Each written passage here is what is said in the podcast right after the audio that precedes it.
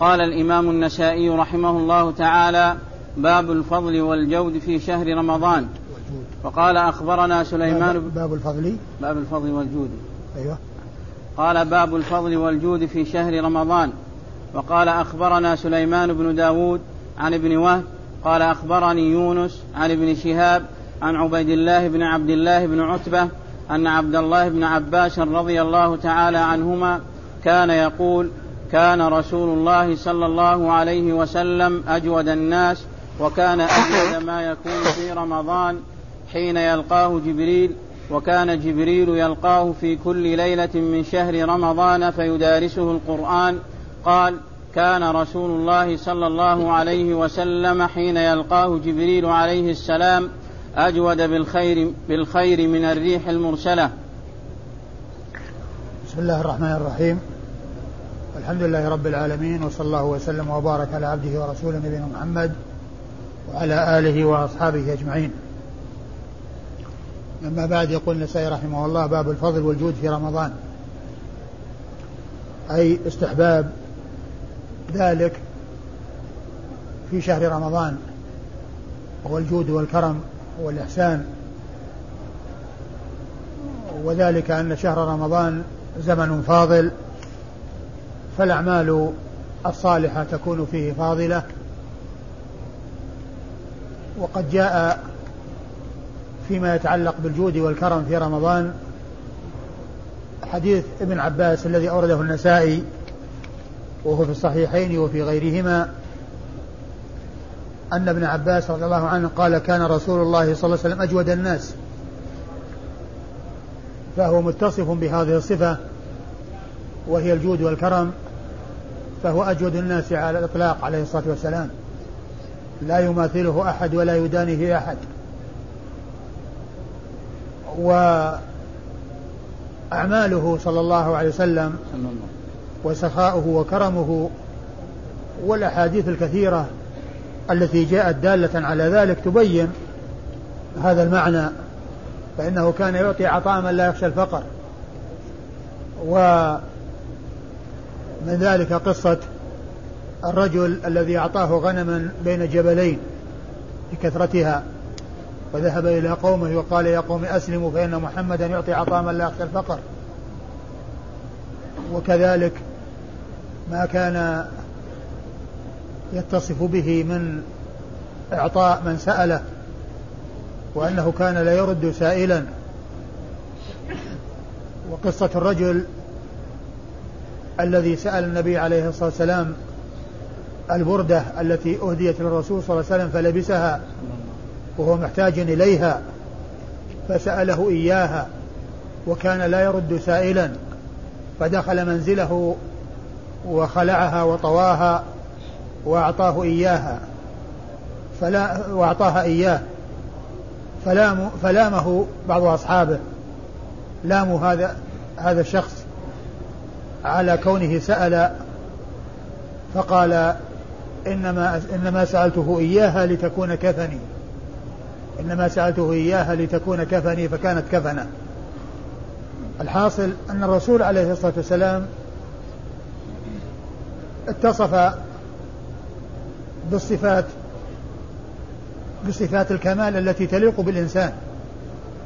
كل صفات تليق بالإنسان فللرسول صلى الله عليه وسلم منها الحظ الأوفر والنصيب الأكبر فهو أشجع الناس وأجود الناس وأنصح الناس للناس وكل صفات تليق بالمخلوقين فللنبي عليه الصلاة والسلام فللنبي عليه الصلاة والسلام منها أوفر الحظ والنصيب. صلوات الله وسلامه وبركاته عليه. ابن عباس رضي الله عنه أراد أن يبين ما كان عليه النبي عليه الصلاة والسلام من الجود والكرم في رمضان. فخشي أن يظن أن جوده وكرمه أنه محصور في رمضان. فأتى بجملة تسبقها عامة وهي احتراس من أن يظن شيء من ذلك فقال كان رسول الله صلى الله عليه وسلم أجود الناس. فهذه قضية عامة. يعني جوده وكرمه دائم وأب... دائما وأبدا. في جميع أيام السنة وفي جميع أيام العام. ولكنه, ولكنه يزيد في رمضان. ويتضاعف في رمضان ويكثر في رمضان. كان رسول الله صلى الله عليه وسلم أجود الناس. وكان أجود ما يكون في رمضان. الجود موجود معه دائما وأبدا ولكنه يزداد في رمضان. ويكثر في رمضان. وكان أجود ما يكون في رمضان حين يلقاه جبريل فيدرس القرآن. قال رسول الله صلى الله عليه وسلم حين يلقاه جبريل فيدرس القرآن أجود بالخير من الريح المرسلة. أجود بالخير من الريح المرسلة. الريح التي يكثر نفعها ويعم خيرها رسول الله صلى الله عليه وسلم بالخير أجود من الريح المرسلة. صلوات الله وسلامه وبركاته عليه. وهذا يدلنا على ما اتصف به عليه الصلاة والسلام من الصفات الكريمة ومنها صفة الجود والكرم وأن جوده يتضاعف في رمضان ويكثر في رمضان ويزيد في رمضان. وهذا دليل على أنه يستحب كثرة الإحسان وكثرة الجود في رمضان اقتداء بالرسول صلى الله عليه وسلم. ثم بين أن من أسباب جوده وكرمه في رمضان أنه كان يأتيه جبريل ويدارسه القرآن. فمدارسته القرآن واشتغاله في القرآن وتأمله القرآن بهذه المدارسة مع جبريل من أسباب جوده وكرمه عليه الصلاة والسلام.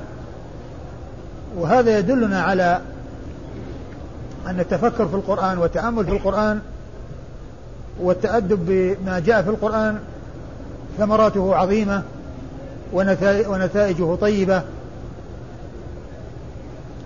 وكان الرسول صلى الله عليه وسلم أجود ما يكون فلا رسول الله صلى الله عليه وسلم حين يلقاه جبريل فيدارسه القرآن أجود بالخير من الريح المرسلة. أجود بالخير من الريح المرسلة. وكان عليه الصلاة والسلام يأتي إليه جبريل في كل في من رمضان إلى رمضان فيدارسه ما تقدم نزوله. القرآن الذي تقدم نزوله قبل رمضان في السنوات الماضية يدارسه إياه. وفي العام وكان يعارضه مرة يعني يقرأ جبريل وهو يسمع ويقرأ الرسول وهو يسمع. وفي العام الذي الذي آه، هو آخر أعوامه في رمضان درسه القرآن مرتين أو عارضه القرآن مرتين عليه الصلاة والسلام. فالحديث واضح الدلالة على ما ترجم له النسائي من الجود والكرم في رمضان. والإسناد؟ أخبرنا سليمان بن داود. أخبرنا سليمان بن داود وهو أبو الربيع المصري وهو ثقة أخرج حديثه مسلم و... مسلم. أبو داود والنسائي. أخرج حديثه أبو داود والنسائي. أخرج حديثه أبو داود والنسائي. ما في مسلم؟ أبو الربيع المصري يا شيخ؟ أبو الربيع المصري. لا ما في. أخرج حديثه أبو داود والنسائي. نعم. عن ابن وهب. عن ابن وهب وهو عبد الله بن وهب المصري المحدث الفقيه. حديثه أخرجه أصحاب الكتب الستة. قال أخبرني يونس. أخبرني يونس وهو بن يزيد الأيلي المصري وحديثه أخرجه أصحاب الكتب الستة. عن ابن شهاب. عن ابن شهاب وهو محمد بن مسلم بن عبيد الله الزهري مشهور بالزهري ومشهور بابن كلاب بابن شهاب. ابن شهاب جده والزهري جده الأعلى الذي هو زهرة بن كلاب الذي يلتقي الذي هو أخو قصي بن كلاب. أخو قصي بن كلاب زهرة بن كلاب. يلتقي مع رسول الله صلى الله عليه وسلم في كلاب لأن زهرة أخو قصي. فينسب إلى جده زهرة بن كلاب فيقال الزهري. وينسب إلى جده شهاب فيقال ابن شهاب. وهو مشهور بهاتين النسبتين. مشهور بهاتين النسبتين الزهري وابن شهاب وهو فقيه وهو محدث فقيه من صغار التابعين أخرج حديثه أصحاب الكتب الستة. وهو الذي قام بجمع السنة بتكليف من الخليفة عمر بن عبد العزيز. وفيه يقول السيوطي في الألفية أول جامع الحديث والأثر ابن شهاب آمر له عمر. يروي عن عبيد الله بن عبد الله. يروي عن عبيد الله بن عبد الله بن عتبة بن مسعود. وهو ثقة فقيه من الفقهاء السبعة المشهورين في المدينة في عصر التابعين. أطلق عليهم هذا اللقب واشتهروا به فيأتي في بعض المسائل الفقهية التي اتفقوا عليها يقال فيها قال بها الفقهاء السبعة وقال بهذا القول الفقهاء السبعة. لقب على سبعة من التابعين في عصر في المدينة. وفيهم عبيد الله هذا الذي معنا في الإسناد. عبيد الله بن عبد الله بن عتبة بن مسعود وخارجها بن زيد بن ثابت وسعيد بن المسيب وسليمان بن يسار والقاسم بن محمد بن أبي بكر الصديق و وعروة بن الزبير بن العوام. هؤلاء ستة متفق على عدهم في الوقاء السبعة. والسابع فيه ثلاث أقوال. قيل أبو سلمة بن عبد الرحمن بن عوف وقيل أبو بكر بن عبد الرحمن بن الحارث بن هشام وقيل سالم بن عبد الله بن عمر بن الخطاب. وابن القيم رحمه الله في كتابه إعلام الموقعين ذكر في أوله المعروفون بالفتوى من الصحابة والتابعين ومن بعدهم في مختلف الأقطار. فيأتي مثلا للبلد فيقول فيها من الصحابة فلان وفلان وفلان يعني المفتون وأهل الفتوى وكذلك في عصر التابعين فيها كذا وكذا. ولما جاء عند ذكر المدينة وذكر أهل الفتوى فيها في عصر التابعين ذكر أن منهم الفقهاء السبعة. ذكر أن من المعروفين بالفتوى في هذه المدينة الفقهاء السبعة. والكتاب اسمه إعلام الموقعين وليس أعلام الموقعين. لأنه ليس كتاب تراجم وإنما هو كتاب علم وكتاب فتاوى وكتاب إيضاح وبيان فهو إعلام. الموقعين الذين يكتبون ويخبرون بشرع الله عز وجل ويبينون للناس شرع الله فهم يوقعون بالفتوى في شرع الله ويبينون الأحكام فالكتاب اسمه إعلام الموقعين عن رب العالمين. إعلام الموقعين عن رب العالمين الذين يفتون بشرع الله سبحانه وتعالى. في أوله ذكر كما قلت المدن المشهورة يعني والفقهاء في عصر الصحابة وفي عصر التابعين. ولما جاء عند المدينة ذكر في عصر التابعين الفقهاء السبعة في المدينة. ثم ذكر بيتين من الشعر يشتمل ثانيهما على الفقهاء السبعة على اعتبار أن السابع أبا بكر بن عبد الرحمن بن الحارث بن هشام. فقال ما أدري الشعر لمن هل هو له أو لغيره؟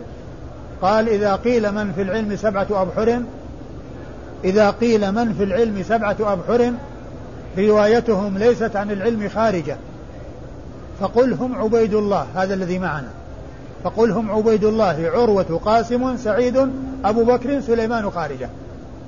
إذا قيل من في العلم سبعة أبحر روايتهم ليست عن العلم خارجة البيت الثاني يشتمل على أسمائهم. فقل هم عبيد الله عروة قاسم سعيد أبو بكر سليمان خارجة. هؤلاء سبعة. فقهاء مشهورون في عصر التابعين. عن ابن عباس. عن ابن عباس وعبد الله بن عباس بن عبد المطلب ابن عم النبي صلى الله عليه وسلم وأحد العبادلة الأربعة من أصحابه الكرام وهم من صغار الصحابة وعاشوا وأدركهم من لم يدرك كبار الصحابة. فلهذا أطلق عليهم لقب العبادلة الأربعة. لقب العبادلة الأربعة أطلق عليهم على ابن عباس وابن عمر وابن عمر وابن الزبير من صغار الصحابة وعاشوا حتى أدركهم من لم يدرك كبار الصحابة. وإلا فإن الصحابة فيهم من يسمى, يسمى عبد الله كثير. مثل عبد الله بن مسعود وعبد الله بن بن قيس أبو موسى الأشعري وعدد كبير من الصحابة يقال لهم عبد الله. لكن الذي اشتهر بهذا اللقب هؤلاء الأربعة الصغار من صغار الصحابة رضي الله عنهم وأرضاهم. وهو أيضا أي ابن عباس أحد السبعة المعروفين بكثرة الحديث عن النبي صلى الله عليه وسلم. أحد السبعة المعروفين بكثرة الحديث عن النبي عليه الصلاة والسلام. الذين هم أبو هريرة وابن عمر وابن عباس وأبو سعيد الخدري وأنس بن مالك وجابر بن عبد الله وعائشة أم المؤمنين. هؤلاء السبعة من أصحاب رسول الله صلى الله عليه وسلم رووا من الحديث أكثر مما رواه غيرهم. وقال أخبرنا محمد بن إسماعيل البخاري قال حدثني حفص بن عمر بن الحارث قال حدثنا حماد قال حدثنا معمر والنعمان بن راشد عن الزهري عن عروة عن عائشة رضي الله تعالى عنها قالت ما لعن رسول الله صلى الله عليه وسلم من لعنة تذكر؟ كان إذا كان قريب عهد بجبريل عليه السلام يدارسه كان أجود بالخير من الريح المرسلة. قال أبو عبد الرحمن هذا خطأ والصواب حديث يونس بن يزيد وأدخل هذا حديثا في حديث.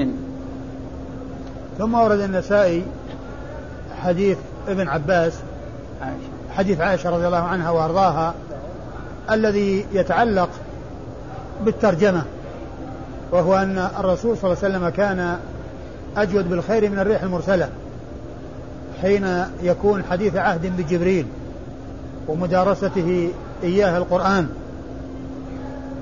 وفي أوله ما لعن الرسول صلى الله عليه وسلم من لعنة تذكر. ولما أورده النسائي قال هذا خطأ والصواب حديث يونس بن يزيد يعني المتقدم يعني حديث يونس بن يونس بن يزيد الأيلي أي المتقدم الذي فيه أن كان أجود الناس. وقال إن هذا أدخل حديثا في حديث يعني حديث حديث اللعن مع حديث كونه إذا كان حديث عهد من جبريل يدارسه القرآن آه، يكون أجود بالخير من الريح المرسلة. قال وقد أدخل حديثا في حديث. لأن هذا حديث وهذا حديث. وكونه عليه الصلاة والسلام أجود بالخير من الريح المرسلة هو ثابت. هو ثابت بالحديث المتقدم وفي هذا الحديث أيضا. نعم. إسناد؟ أخبرنا محمد بن إسماعيل البخاري. أخبرنا محمد بن إسماعيل البخاري. في بعض النسخ محمد بن إسماعيل بدون لفظ البخاري. وعند ابن السني كما هنا لأن ال ال آه، الرواية التي معنا هي رواية ابن السني في سنن النسائي. ففيها ذكر البخاري محمد بن إسماعيل البخاري وهو صاحب الصحيح. وقد قال عنه وهو, وهو أمير المؤمنين في الحديث من الذين وصفوا بهذا الوصف وهم قلة منهم البخاري. ومنهم الدار قطني ومنهم الثوري ومنهم شعبة بن الحجاج ومنهم إسحاق بن راهوية. جماعة قليلون من المحدثين وصفوا بهذا الوصف الرفيع ولقبوا بهذا اللقب العالي وهو أمير المؤمنين في الحديث. وقال عنه الحافظ في التقريب جبل الدنيا جبل الحفظ جبل الحفظ. يعني أنه جبل في الحفظ. و وقال عنه أيضا آه إمام الدنيا في فقه الحديث. إمام فقه آه إمام الدنيا وإمام الدنيا في فقه الحديث. وإمام الدنيا في فقه الحديث. وقوله جبل الحفظ يعني معناه أنه قمة في الحفظ. وهذا وصف يوصف به من يكون متمكنا في الحفظ جبل الحفظ. وقد ومما يدل على حفظه ويوضح تمام حفظه أنه لما أنه قدم بغداد فأراد أهلها أن يختبروا حفظه فجاءوا إلى مئة حديث مئة حديث وأعطوا كل واحد عشرة وركبوا أسانيد جعلوا إسناد أسانيد أحاديث لأحاديث أخرى. يعني هذه المئة كل واحد له إسناد لكن ما ما جعلوا كل إسناد مع حديثه بل جعلوا إسناد لحديث وإسناد لحديث وهكذا على خلاف الواقع. اختبار وامتحان. فخلوا كل واحد يحفظ له عشرة أحاديث على خطأ مبنية على خطأ. أسانيدها غير أح... غير الأسانيد التي هي لتلك الأحاديث. يحفظ الشخص عشرة أحاديث أسانيدها ليست لتلك المتون. وجاءوا فبدأ واحد من العشرة يقرأ فأمره حتى يستمر حتى ينتهي يقرأ حتى ينتهي. ثم أمر الذي يليه بأن يقرأ. وكل حتى فرغ من العشرة بمئة حديث. ثم إنه بدأ بهم من الأول. فقال أما فلان الأول فقد قلت كذا وكذا وجاب الإسناد والمتن المركب. ثم أتى به على الصواب. قال الحافظ بن حجر ما أدري هل قاله هو أو نقلا عن غيره قال فليس العجب من كونه من حفظه فإنه حافظ. ولكن العجب من كونه يحفظ الخطأ من مرة واحدة. من كونه يحفظ الخطأ من مرة واحدة بأن حفظه على الخطأ الذي ألقوه عليه وكان ذلك لمئة حديث كلها مبنية على خطأ. ثم حفظ هذه الأحاديث بمتونها وأسانيدها على الخطأ. ثم ذكرها على الخطأ. يعني بعدما بعد أن فرغ الذين تلوا وأخبر بأن الحديث هو إسناده كذا. الحديث الفلاني إسناده كذا والحديث الفلاني إسناده كذا. كون حافظ للمتون والأسانيد هذا قال ليس بعجيب لكن العجيب كون حفظ الخطأ من مرة واحدة. إن هذا الإسناد لهذا المتن وهذا الإسناد لهذا المتن وهذا الإسناد لهذا المتن مع أنها كلها خطأ. فهذا هذا يوضح كونه جبل الحفظ. كونه جبل الحفظ هذا مثال يوضح هذا. أما كونه إمام الدنيا في فقه الحديث فكتابه الجامع الصحيح تراجمه واستنباطاته وما فيه من المعاني الدقيقة والاستنباطات الدقيقة يدل على تمكنه في الفقه. ولهذا قالوا عن كتابه إنه كتاب رواية ودراية. ليس كتاب رواية فقط بل هو مع كونه كتاب رواية يعني فيه ذكر الأحاديث بأسانيدها ومتونها أيضا فيه ذكر التفقه وذكر الفقه وذكر الاستنباط استنباطات دقيقة تراجمة نفس التراجم التي أوردها وأورد الأحاديث تحتها يعني في غاية الدقة وفي غاية الخفاء. يعني في دقة الاستنباط. فهذا هو معنى قول الحافظ بن حجر وإمام الدنيا في فقه الحديث. وإمام الدنيا في فقه الحديث يعني في دقة الاستنباط. ولهذا يقولون فقه البخاري في تراجمة. يعني من أراد أن يعرف فقه البخاري فعليه أن ينظر في التراجم والأحاديث التي أوردت تحت التراجم أو الآثار التي جاءت تحت التراجم.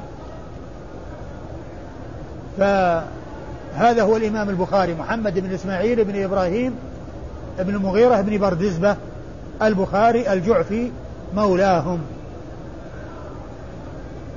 توفي سنة ست وخمسين ومائتين وحديثه آه، موجود في سنن الترمذي وفي النسائي ومنه هذا الحديث الذي معنا. يعني ذكر في رجال النسائي لأنه جاء في بعض الأسانيد عند النسائي مثل هذا الحديث هذا الإسناد الذي معنا. وجاء عند الترمذي. فإذا البخاري معدود في رجال النسائي وفي رجال الترمذي. وهذا الموضع الذي معنا هو آه، الرواية من طريق البخاري. شيخه شيخه فيه البخاري في هذا الحديث. أيوة. قال حدثني حفص بن عمر. قال حدثني حفص بن عمر بن الحارث. حفص بن عمر ابن الحارث. وهو ثقة. نعم ثقة ثبت. أخرج له البخاري وأبو داود والنسائي. ثقة ثبت أخرج له البخاري وأبو داود والنسائي. حفص بن عمر هذا شيخ من شيوخ البخاري. نعم. عن حماد. ها؟ عن حماد. عن حماد وهو بن زيد ابن درهم البصري. وهو ثقة خرج حديثه أصحاب الكتب الستة. قال حدثنا معمر والنعمان قال حدثنا معمر وهو بن راشد الأزدي البصري ثم اليماني وهو ثقة أخرج حديثه أصحاب الكتب الستة. والنعمان بن راشد والنعمان ابن راشد إيش قال عنه؟ قال صدوق سيء الحفظ. صدوق سيء الحفظ أخرج حديثه البخاري تعليقا ومسلم وأصحاب السنة. البخاري تعليقا ومسلم وأصحاب السنة الأربعة. يعني مقرون. أورده النسائي مقرونا بمعمر. فالحديث من طريق معمر ومن طريقه. يعني فكونه سيء الحفظ لا يؤثر على هذا الإسناد لأنه لم يبنى عليه الإسناد. بل معه من هو ثقة. معه في الرواية من هو ثقة. نعم. عن الزهري. عن الزهري وقد مر ذكره. عن عروة عن عائشة. عن عروة بن الزبير بن العوام. وهو أحد الفقهاء السبعة المشهورين في عصر التابعين الذين مر ذكرهم. وحديثه عند أصحاب الكتب الستة عن عائشة أم المؤمنين الصديقة بنت الصديق رضي الله تعالى عنها وأرضاها وهي آه، من السبعة أو من الأشخاص السبعة الذين عرفوا بكثرة الحديث عن النبي عليه الصلاة والسلام. قال باب فضل شهر رمضان.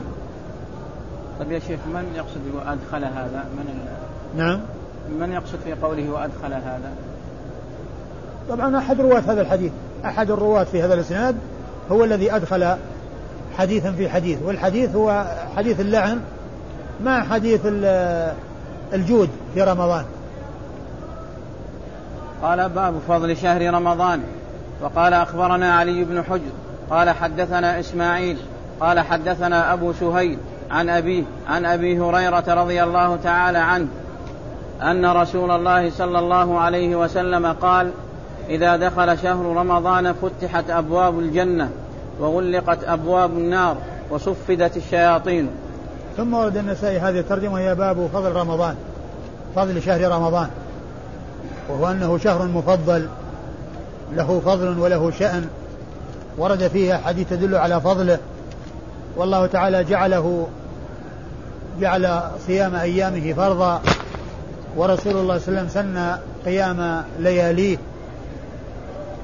فهو شهر فضله الله عز وجل على غيره من الشهور وميزه على غيره من الشهور وجاء فيه حديث تدل على فضله منها هذا الحديث الذي أورده النسائي عن أبي هريرة وأن النبي عليه الصلاة والسلام قال إذا دخل شهر رمضان فتحت أبواب الجنة وغلقت أبواب النار وصفدت الشياطين.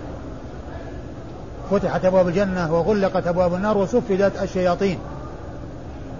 و وتصفيد الشياطين فسر بعدة تفسيرات قيل إنه على حقيقته وأنهم يعني لا يخلصون في في رمضان إلى ما كانوا يخلصون عليه إليه في غير رمضان. ولا يعني أن يقال كيف جاء في الحديث أن الشياطين صفدت ومع ذلك توجد المعاصي في رمضان. توجد المعاصي في رمضان. لأن الشياطين فيه شياطين إنس وفيه شياطين جن. وشياطين الجن هم المردة. وهم الذين صفدوا ومن المعلوم أن المعاصي يكون لها أسباب غير المردة من الشياطين مثل شياطين الإنس الذين يختلطون بالإنسان ويغوونه ويحببون إليه المعاصي وكذلك النفس الأمارة بالسوء. فالنفس الأمارة بالسوء من أسباب من أسباب الوقوع في المعاصي وشياطين الإنس الذين هم جلساء السوء وقرناء السوء أيضا من أسباب الوقوع في المعاصي فليس معنى أنه إذا وجد معاصي في رمضان أن هذا يتناقض مع أنهم صفدوا لأن هناك أسباب أخرى وعوامل أخرى يحصل بها. هي من أسباب المعاصي مثل شياطين الإنس ومثل النفس الأمارة بالسوء. وعلى هذا فإن أحسن ما قيل في الحديث أنه على حقيقته وأنهم يصفدون وأنهم لا يخلصون إلى ما كانوا يخلصون إليه في غير رمضان. وهذا دال على فضله وعلى تميزه على غيره. ثم أيضا مما يقلل الشر في رمضان ويقلل المعاصي. كون الإنسان يصوم ويؤدي الصيام ومن المعلوم أن الصيام فيه كبح للنفس وتقليل لقوة الشهوة. ولهذا جاء في الحديث عن النبي عليه الصلاة والسلام عندما أمر الشباب بالزواج أمر من لم يستطع بالصوم. قال يا معشر الشباب من استطاع منكم الباء فليتزوج. فإنه أحسن للفرج وأغض للبصر. ومن لم يستطع فعليه بالصوم فإنه له وجا فإنه له وجا يعني معناه أنه يقلل الشهوة والحاجة إلى هذا الذي تميل إليه النفوس ويضيق المجاري على الإنسان مجاري الدم على الإنسان بسبب آآ آآ بسبب عدم التمتع بالأكل والشرب في نهار رمضان. الرسول صلى الله عليه وسلم بين بأن الصوم فيه علاج لمن لم يجد القدرة على الزواج. فإنه إذا صام تقل عنده الشهوة. وعلى هذا فإن الصوم فيه والصائمين أو الذين يصومون يعني عندهم شيء يقلل الشهوة عندهم ففيه تقليل للمعاصي أو من أسباب الضعف الذي يكون في النفوس ويكون في, الناس في حال صيامهم فلا تكون عندهم الشهوة التي تكون في حال تمتعهم وأكلهم وشربهم. إذا دخل شهر رمضان فتحت أبواب الجنة وغلقت أبواب النار وصفدت الشياطين. أيها الإسناد. قال أخبرنا علي بن حجر. أخبرنا علي بن حجر بن إياس السعدي المروزي. ثقة حافظ أخرج حديثه البخاري ومسلم والنسائي أخرج حديثه البخاري ومسلم والترمذي والنسائي. البخاري ومسلم والترمذي والنسائي. قال حدثنا إسماعيل. قال حدثنا إسماعيل وهو بن جعفر. وهو ثقة أخرج حديثه أصحاب الكتب الستة. قال حدثنا أبو سهيل. قال حدثنا أبو سهيل وهو نافع بن مالك بن أبي عامر الأصبحي المدني وهو ثقة أخرج حديثه أصحاب الكتب الستة.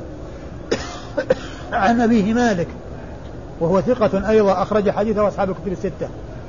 عن أبي هريرة نعم. عن أبي هريرة عبد الرحمن بن صخر الدوسي صاحب رسول الله صلى الله عليه وسلم وهو أكثر الصحابة على الإطلاق حديثا رضي الله تعالى عنه وأرضاه. وقال أخبرني إبراهيم بن يعقوب الجوزجاني قال حدثنا ابن أبي مريم قال أخبرنا نافع بن يزيد عن عقيل عن ابن شهاب قال أخبرني أبو سهيل عن أبيه عن أبي هريرة رضي الله تعالى عنه أن رسول الله صلى الله عليه وسلم قال إذا دخل رمضان فتحت أبواب الجنة وغلقت أبواب النار وصفدت الشياطين ثم ورد النسائي حديث أبي هريرة من طريق أخرى وهو مثل الذي قبله وأما إسناده فيقول النسائي أخبرنا أخبرني إبراهيم بن يعقوب. أخبرني إبراهيم بن يعقوب الجوزجاني. كلمة أخبرني وأخبرنا أخبرني إذا كان سمع منه وحده فإنه يعبر بهذا التعبير فيقول أخبرني. وأما إذا سمع هو وغيره فإنه عندما يروي يقول أخبرنا. هذا هو الفرق بين أخبرني وأخبرنا. يعبر المحدث بأخبرني إذا كان سمع منه وحده. إذا سمع من شيخه وحده ليس معه أحد عند عند السماع وعند التحديث. أما إذا كانوا جماعة يحدثهم فإن كل واحد منهم يقول أخبرنا. يعني أنا وغيري. يعني أخبرنا أنا وغيري وأما إذا قال أخبرني فقد حدثه وحده ليس معه أحد. أخبرني إبراهيم بن يعقوب الجوزجاني. إبراهيم بن يعقوب الجوزجاني وهو ثقة أخرج حديثه آه، أبو داود أبو داود. والترمذي والنسائي. أبو داود والترمذي والنسائي. أخرج حديثه أبو داود والترمذي والنسائي. عن عن ابن أبي مريم. عن ابن أبي مريم هو ابن أبي مريم هو سعيد. ابن أبي مريم المصري وهو ثقة أخرج حديثه أصحاب الكتب الستة. قال أخبرنا نافع بن يزيد. أخبرنا نافع بن يزيد إيش قال عنه؟ قال ثقة عابد. أيوه أخرج له. البخاري تعليقا ومسلم وأبو داود والنسائي وابن ماجه.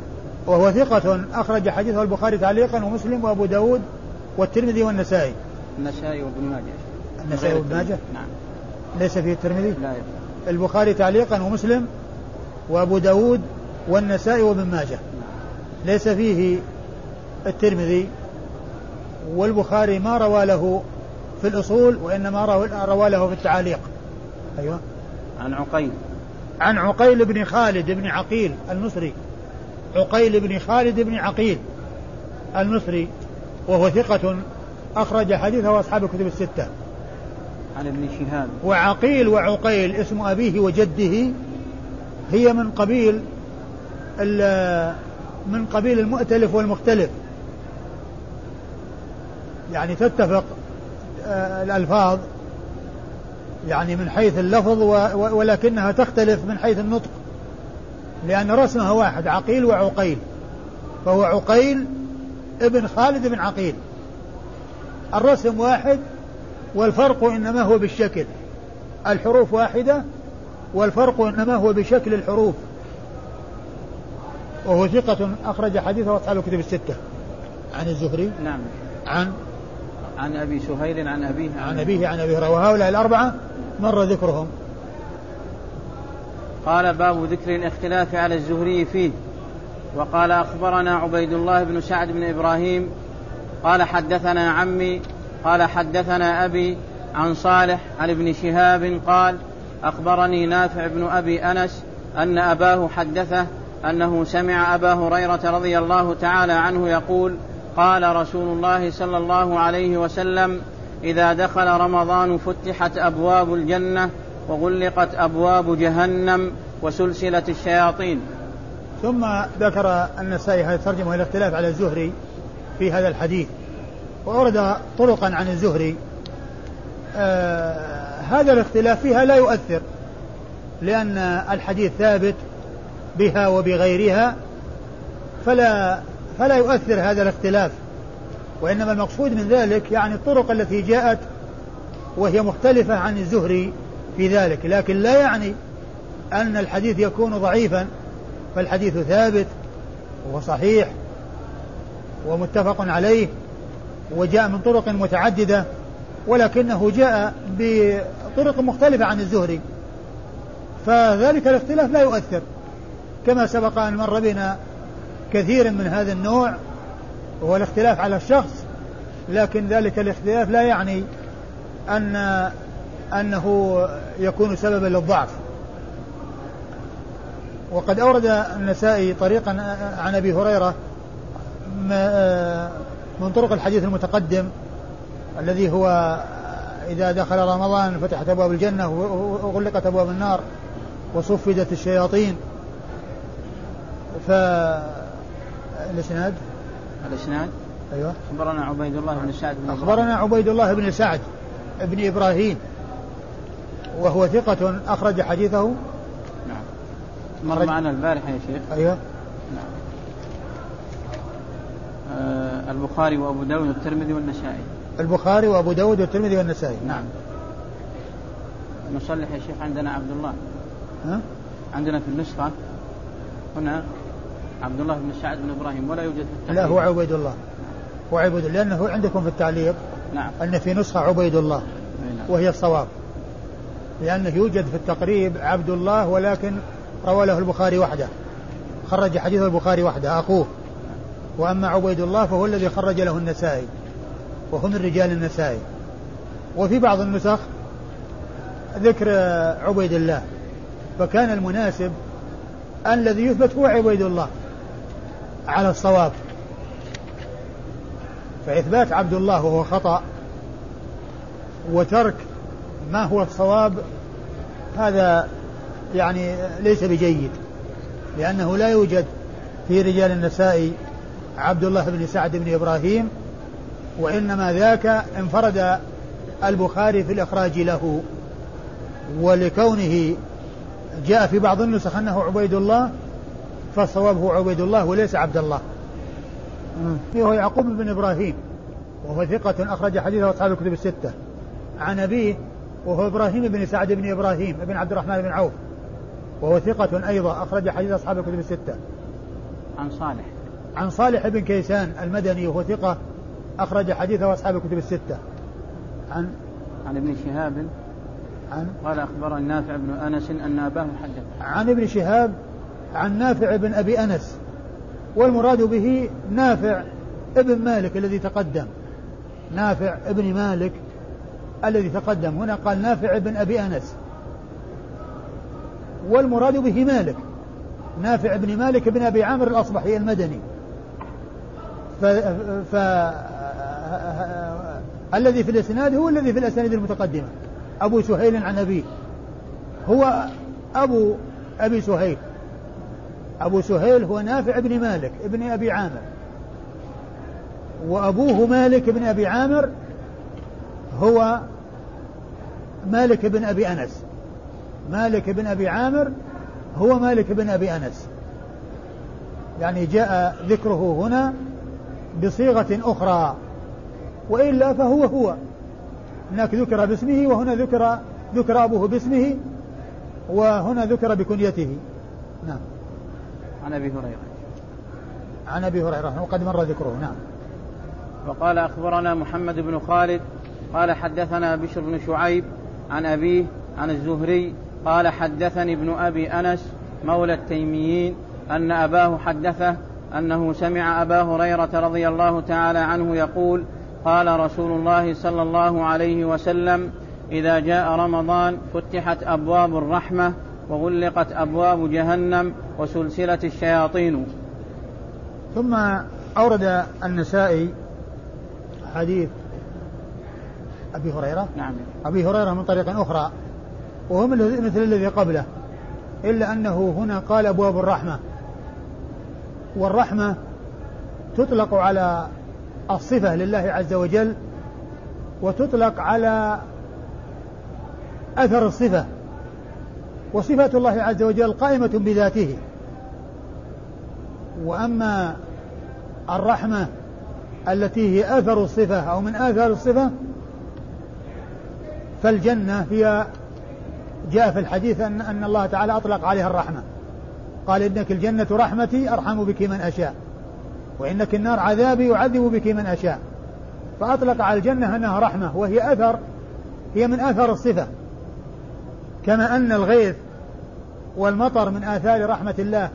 فانظر إلى آثار رحمة الله كيف يحيي الأرض بعد موتها. يعني ف فتأتي الرحمة يراد بها الصفة المتعلقة بالله عز وجل وتأتي ويراد بها مخلوق من مخلوقات الله عز وجل وهو أثر الصفة. وهنا أبواب الرحمة مثل أبواب الجنة لأنه جاء في بعض الأحاديث أن الجنة رحمة. أنك الجنة رحمتي أرحم بك من أشياء فتحت أبواب الرحمة أبواب الجنة. لأنه جاء في بعض الأحاديث إطلاق الجنة إطلاق الرحمة على الجنة وأنها رحمة الله عز وجل. إنك الجنة رحمتي أرحم بك من أشاء. والرحمة منها ما هو صفة ومنها ما هو مخلوق الذي هو أثر الصفة. وذاك الحديث الذي فيه أن الله خلق يعني مئة رحمة. وأن الناس يتراحمون برحمة واحدة. وإذا جاء يوم القيامة يعني آه يعني آه تأتي تلك التسعة والتسعين مع تلك الرحمة. إذا الرحمة تطلق على الصفة وتطلق على أثر الصفة. وتطلق على المخلوقات التي هي أثر الصفة. فكلمة أبواب الرحمة يعني مثل أبواب الجنة. هي مثل أبواب الجنة لأن الجنة يقال لها الرحمة. لأنها يقال لها الرحمة كما جاء في الحديث الذي أشرت إليه. أه وغلقت أبواب النار وإيش؟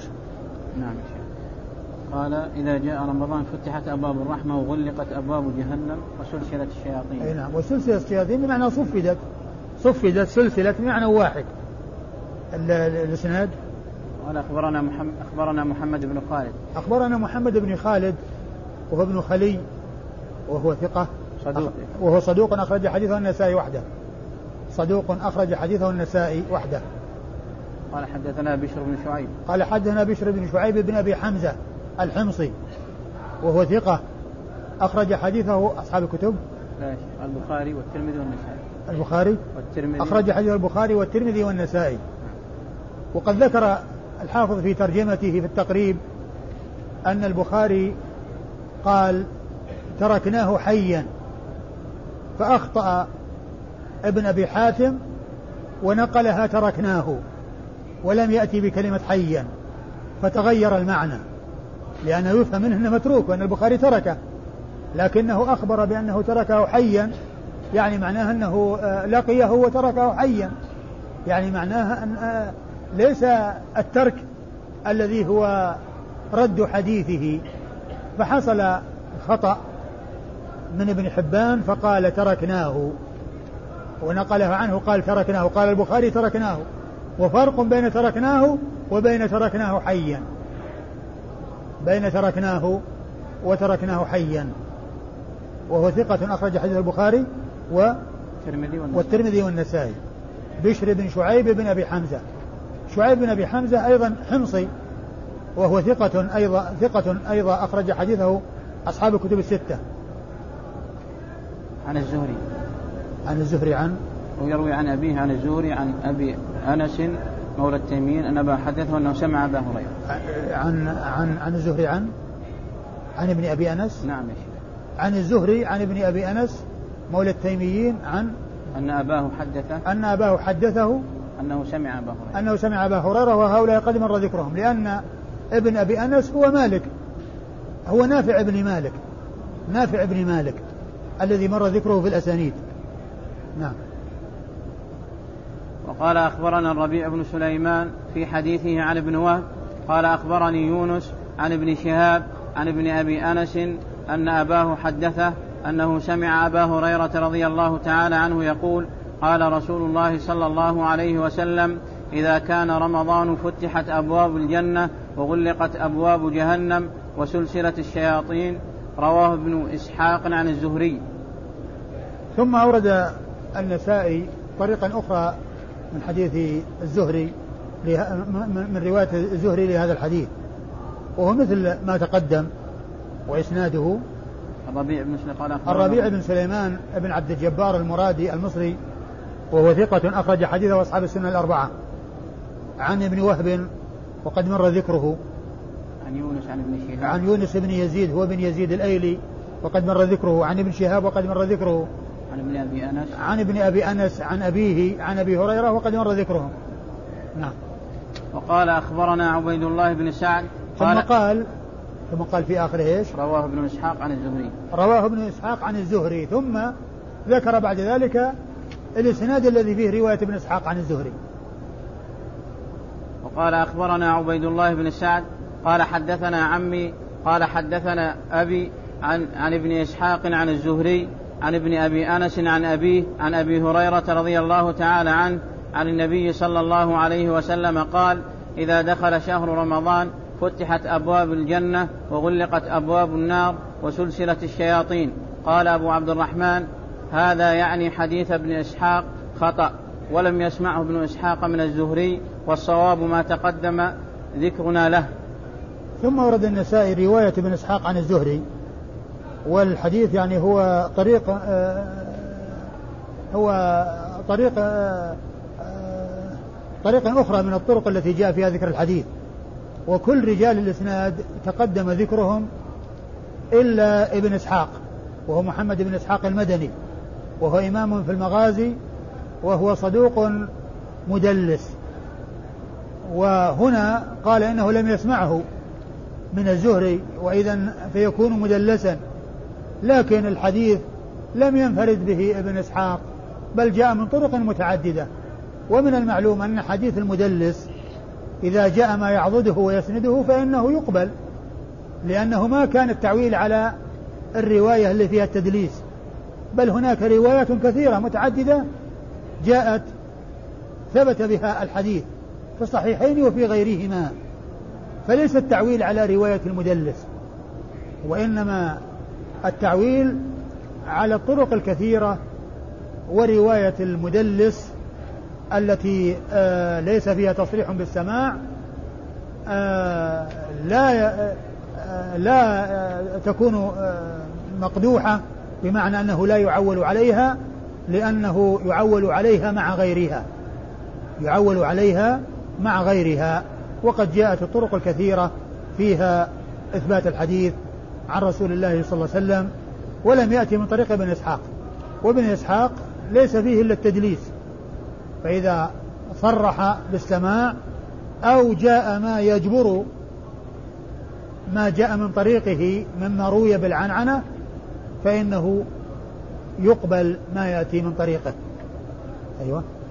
الإسناد يا شيخ؟ نعم الإسناد أنا قلت أن كله نعم. مر ذكرهم إلا بن إسحاق وابن إسحاق هو محمد بن إسحاق المدني إمام في المغازي صدوق يدلس. وقال أخبرنا عبيد الله بن سعد قال حدثنا عمي قال حدثنا أبي عن ابن إسحاق قال وذكر محمد بن مسلم عن أويس بن أبي أويس عديد بني تيم عن أنس بن مالك رضي الله تعالى عنه أن رسول الله صلى الله عليه وسلم قال هذا رمضان قد جاءكم تفتح فيه أبواب الجنة وتغلق فيه أبواب النار وتسلسل فيه الشياطين. قال أبو عبد الرحمن هذا الحديث خطأ. آه ثم ورد النسائي حديث أنس. نعم. هنا من طريق أنس. نعم. ثم ورد النسائي الحديث من طريق أنس بن مالك رضي الله عنه ليس من طريق أبي هريرة لأن الطرق المتقدمة عن أبي هريرة وهنا من طريق أنس بن مالك صاحب رسول الله صلى الله عليه وسلم. والنسائي قال عنه خطأ يعني لأنه ما جاء عن أبي هريرة وإنما جاء من طريق أنس بن مالك فهو اختلاف لكن كما هو معلوم هذا لا يؤثر. إلا لو كان يعني الحديث لم يكن ثابتا والحديث هو ثابت. فهذه طريق أخرى للحديث وهي تتفق مع الطرق الأخرى التي فيها إثبات أن شهر رمضان تفتح فيه أبواب الجنة. وتفتيح تفتيح أبواب الجنة هذا ثابت بالطرق الكثيرة الثابتة عن رسول الله صلوات الله وسلامه وبركاته عليه. فلا يؤثر يعني ذلك على صحة الحديث. وأما إسناد الحديث فيقول النسائي. عبيد الله بن سعد. أيوة. عن عمه عن عن قال عن, عن أبي. أيوة. عن ابن إسحاق. عن ابن إسحاق. محمد بن مسلم. أيوة. نعم. عن أويس بن أبي أويس. عن أويس بن أبي أويس. قال الحافظ التقريب لعله عن مالك بن أنس. وثقه ابن حبان. خرج له من؟ النسائي وحده. خرج له النسائي وحده. عن, عن أنس, أنس رضي الله تعالى عنه. والله تعالى أعلم وصلى الله وسلم وبارك على عبده ورسوله نبينا محمد وعلى آله وأصحابه أجمعين. محمد بن مسلم الزهري يا شيخ. ها؟ محمد بن مسلم هو الزهري. أي نعم محمد بن مسلم هو الزهري. ها؟ خرجه البخاري تعليقا ومسلم وأصحاب السنة الأربعة. محمد بن إسحاق خرج له البخاري تعليقا ومسلم وأصحاب السنن الأربعة.